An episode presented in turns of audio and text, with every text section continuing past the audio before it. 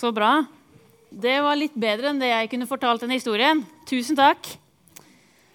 Det som eh, Tenk deg det, at du kom hit i dag, og det var så fullt av folk at det liksom sto folk ute på gata her. Og du hadde ikke kjangs til å komme inn. Har det skjedd noen gang her?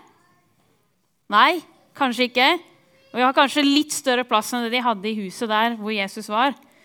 Men altså, det sto i teksten i dag at når det ble kjent, når de fikk vite at Jesus var tilbake etter et par dager av gårde, så samla folk seg sånn at det ikke var plass engang utafor døra. Um, fordi de som så Jesus, hva han gjorde da han levde her på jorda, de skjønte, de skjønte kanskje ikke alt om Jesus, men de skjønte at han hadde en helt spesiell makt. Han kunne gi håp til de som var helt håpløse. Eh, kanskje de hadde sett, eller i hvert fall hørt om noen som hadde blitt helbreda fra en sykdom. Kanskje de hadde sett en som hadde vært blind, som hadde fått synet tilbake igjen. Eller kanskje de hadde møtt han der som var spedalsk, som alle var redd for å skygge unna og ikke ville ha i nærheten av seg, som var blitt frisk. Sånn som de ikke tenkte at det var mulig. Og kanskje noen til og med hadde fått smakt på den nistepakka til han der lille gutten. Ikke sant? Den nistepakka som var ment for en gutt, og så ble den metta av det mange tusen folk. Og jeg lurer litt på hvilke forventninger eller hva du så for deg liksom, når du kom hit i dag. Hva er det du tenkte på når du kom hit i dag? Er det kanskje, kanskje mamma og pappa som sa at nei, nå, i, i, dag er det søndag, da skal vi i Misjonshuset? Sånn er det. Det hender at jeg sier det til gutten min. Eller kanskje dere har noen gode venner som er gøy å treffe her på søndagen. Eller kanskje det er litt gøy med musikk eller teater, sånn, sånn dramastykke. Og sånt. Og alt det er jo veldig godt å komme hit for det. Men Jesus han har lovt at når vi samles i hans navn, så er han her sammen med oss. Han sitter her sammen med oss nå. Det kan vi få lov å tro, for det har Jesus sagt. Og hvilke forventninger har du til Jesus? Vet du at Noen ganger så vi, tenker vi at vi kjenner folk så godt at vi tenker at ja, vi slutter å være litt nysgjerrig. Vi slutter på en måte å være nysgjerrig på dem. Sånn er det med meg og mannen min, kanskje. Jeg må innrømme det, at Av og til så tenker jeg at liksom jeg vet hva han kommer til å si eller gjøre i spesielle situasjoner.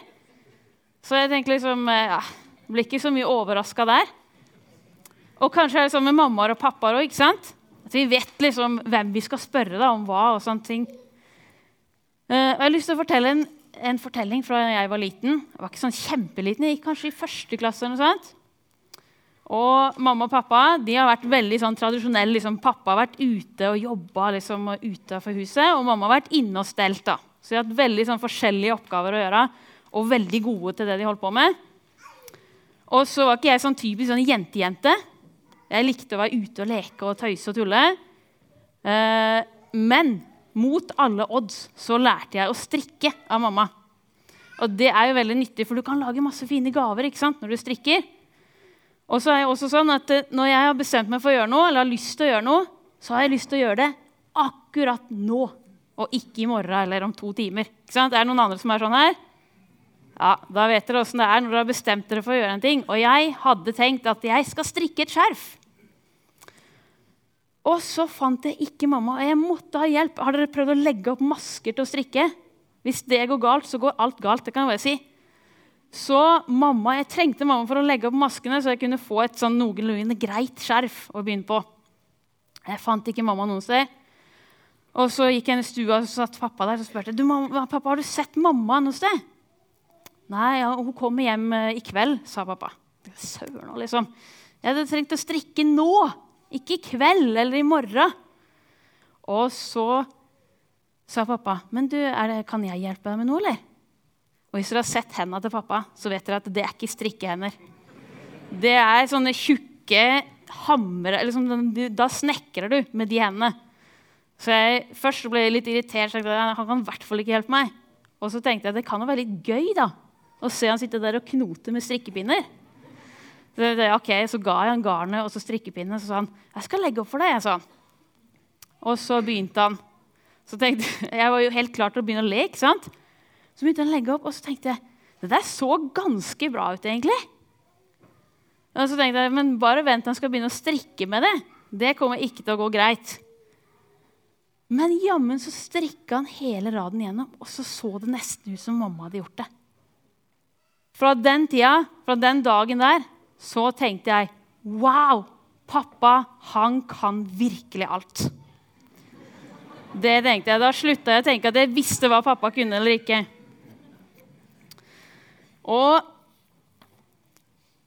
i den teksten, eller den der historien vi så her i stad, så var det altså fire menn som kom, kom bærende på en lam mann til Jesus. Hadde lyst til å treffe han. Eh, jeg vet ikke, Det står ikke så veldig mye om de fire mennene, hva de hadde vært med på før. Men det kan være de hadde sett en mann eller en dame som hadde blitt helbreda før. Eller i hvert fall så hadde de nok hørt om Jesus.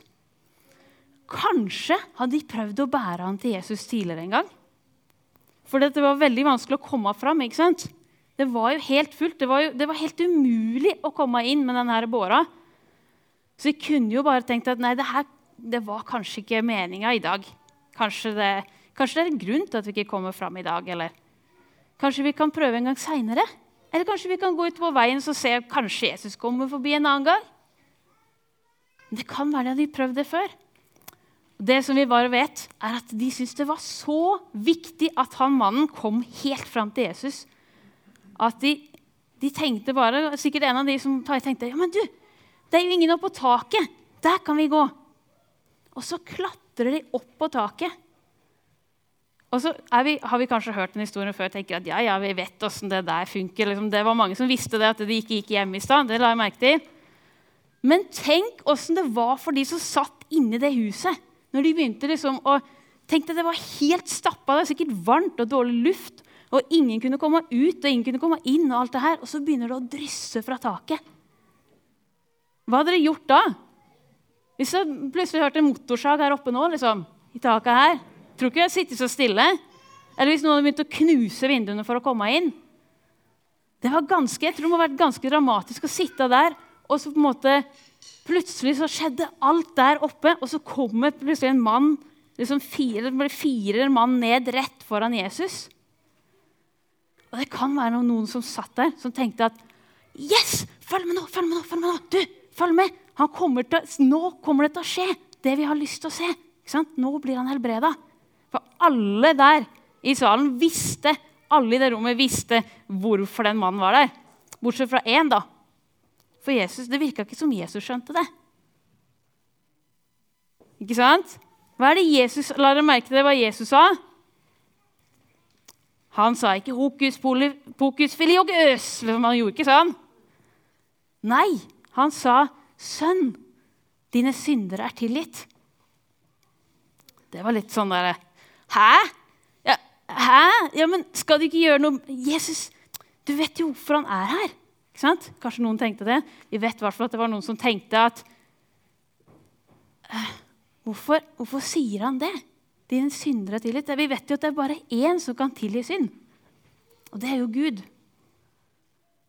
Det er bare én som kan tilgi synd, og det er helt sant. Det hadde de helt rett i. Men de tok litt feil av hvem Jesus var. Det er helt rett, det er bare Gud som kan tilgi synd. Um, og de, Jesus han vet det, hva de tenker. Og så sier han til de, eh, den lamme mannen, eller han sier til de skriftlærde at Hva er lettest å si til den lamme mannen? Er det lettest å si 'dine synder er tilgitt'? Eller er det lettest å si 'stå opp, ta båren din og gå hjem'? Og så sier han men for at dere skal vite at menneskesønnen har makt på jorda til å tilgi synd. Og så sier han til mannen, stå opp, ta båren din og gå hjem. Det er litt rart med Jesus. For han, jeg la merke til det at han sier ikke noe sånn hokus pokus eller liksom blander sammen sånn mikstur som han skal drikke. eller et eller annet sånn der, han tar ikke engang på han. Det står ikke noe om det i teksten. Han sier bare 'stå opp, ta båra di og gå hjem'. Og så reiser mannen seg. Og så går han. Det er jo helt sånn derre Det er jo på en måte de orda som Jesus bruker. og Det er jo bare helt vanlige ord, på en måte. Men så er det noe mer også. For det er hvem er det som sier det? Jo, det er han som var der og skapte med orda sine. Ikke sant? Bli lys. Og så ble det sånn. Og i Salme 33 så står det åssen Gud skapte, eh, og åssen Guds ord funker. Og der står det Han talte, og det skjedde. Han befalte, og det sto der. Han talte, og det skjedde. Han befalte, og det sto der. Og det er jo det samme som skjer gang på gang ikke sant? i Nytestamentet når vi leser om Jesus. Han er på havet, ute i båten, og det er storm. Det er ikke bare sånn der, det er ikke vind, det er storm. Skikkelig storm. Og de tror at de kommer til å dø, hele gjengen i den båten, bortsett fra Jesus som ligger og sover. Og Så reiser Jesus opp og så snakker han til vinden, han snakker til bølgene. Og så blir det stille. Eller jeg tenker liksom når han bøyer seg inn i gravhula til Lasarus og roper 'Kom ut!' til en mann som var død i fire dager og begynte å stinke inn i den grava fordi kroppen er i ferd med å råtne. Og så kommer Lasarus gående ut. Det er den samme. Han kan snakke, og så blir det det som han sier. Er det noen som la merke til Nå er jeg spent, da. Nå er både voksne og barn. Er det noen som la merke til hvorfor Jesus helbreda han her mannen? Han gjorde jo ikke det helt til å begynne med, men hvorfor gjorde han det? Er det noen som la merke til det? Ja, Daniel?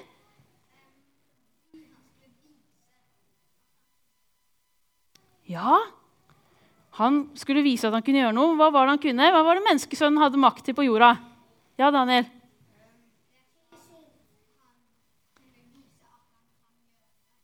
Ja, han kan gjøre det. Mm. Han kan tilgi synd. Han skulle vise at menneskesønnen har makt til å tilgi synd. Så det var ikke bare for å, å gjøre han mannen frisk. Han hadde sikkert lyst til å gjøre han mannen frisk, men det viktigste var at han kunne tilgi synd. Eh, og ofte så kan vi på en måte Av og til kan vi tenke sånn at eh, ja, er egentlig, jeg kan være sikker på det, at, at synden min er tilgitt, eller at det er ferdig, eller at, at, det er greit med Gud. Og Jesus han vil ikke at vi skal håpe det, at vi har fått tilgitt synden vår, eller at vi har et evig liv i vente. Han vil at vi skal vite det, helt sikkert. Og Det er derfor også han gjorde han mannen frisk. De skulle skjønne at Jesus han kan snakke til en kropp som er lam, at, at den blir at den funker igjen. Og han kan snakke noe levende. Og han kan også tilgi synd. Og helt i begynnelsen her, De som leste fra Gamle Testamentet om Abraham, eh, de leste om Abraham som ikke hadde noen barn, men som Gud hadde lova å bli far til et enormt folk. Og så lærte Abraham over mange år. da. Det tok litt tid. Men han lærte å stole på at det Gud sier, det holder han også. At når Gud snakker, så skjer det. Det tok mange år, Hvis du leser hele historien om Abraham, så tok det faktisk ganske mange år før han skjønte at det er viktigere enn det som er her, i hodet, det vi kan se og det vi kan skjønne. Det er Guds ord. For Gud lover aldri noe uten at det skjer. Det kan vi vite. Det er ingenting som er umulig for Gud. Det er ingenting som er umulig for Gud, og han kan møte mennesker på en måte som vi ikke kan liksom, tenke er mulig. På en annen måte enn det vi tenker at han kan møte folk på. Og De fire mennene som bar den lamme mannen til Jesus, de var opptatt av at han skulle møte Jesus den dagen. Og kanskje er det noen som vi kan be for, eller som vi bryr oss om, eller vi hjelper på en måte, som vi en dag kan få lov å bære helt fram til Jesus. Det er litt spennende å bli med på det. Selv om vi, vi, av og til kan vi gi oss på en måte og tenke nei, det her funker ikke. Men ikke gi deg. For får du en helt fram til Jesus, så er det Jesus som gjør det som skal til for at folk tror. Og det kan vi bare gjøre med stor frimodighet. Og det er ingenting som er mulig for Gud, men likevel så er det ikke alt som vi ønsker, som skjer. Og det skjer kanskje ikke sånn som vi ønsker heller. Men Akkurat som menneskene på Jesus sin tid kanskje hadde mest forventninger til Jesus om det som gjaldt liksom, livet her og nå, så har, jeg tror vi også har det. Det er på en måte det som er nærmest oss. Men det er noe som er større enn det å bli helbreda fra sykdom eller fra handikap. Og det er noe som er større. Av og til skal vi føle sånn men Bryr Gud seg egentlig? Bryr Jesus seg egentlig om meg når han bare lar meg leve med det her? Men det er noe som er større for Jesus. For det er evigheten. Det er så utrolig mye. Jeg pleier å si det til gutten min på syv år. Evigheten er jo så mye lenger enn her og nå. Ja, det skjønner han. For evig er jo alltid. Så for Jesus er evigheten viktigere enn det som er her og nå. At vi får lov å vite at når vi kommer Uansett, når vi dør, eller hva vi opplever, uansett, så kan vi vite at forholdet til Gud, der Det er alt gjort. Og det var derfor han eh, Sånn som han reiste mannen opp, den lamme mannen, for at han skulle vite at han var tilgitt. Sånn har han også gjort når han døde på korset. Når han døde på korset og sto opp igjen for at vi skal vite at vi er tilgitt av Gud. Og det er større enn noen helbredelse her og nå. Og Jesus sier Det var ved grava til Lasarus. Jeg har lyst til å lese det helt til slutt. Står Johannes 11, 25. Jeg er oppstandelsen og livet, og den som tror på meg, skal leve om han enn dør.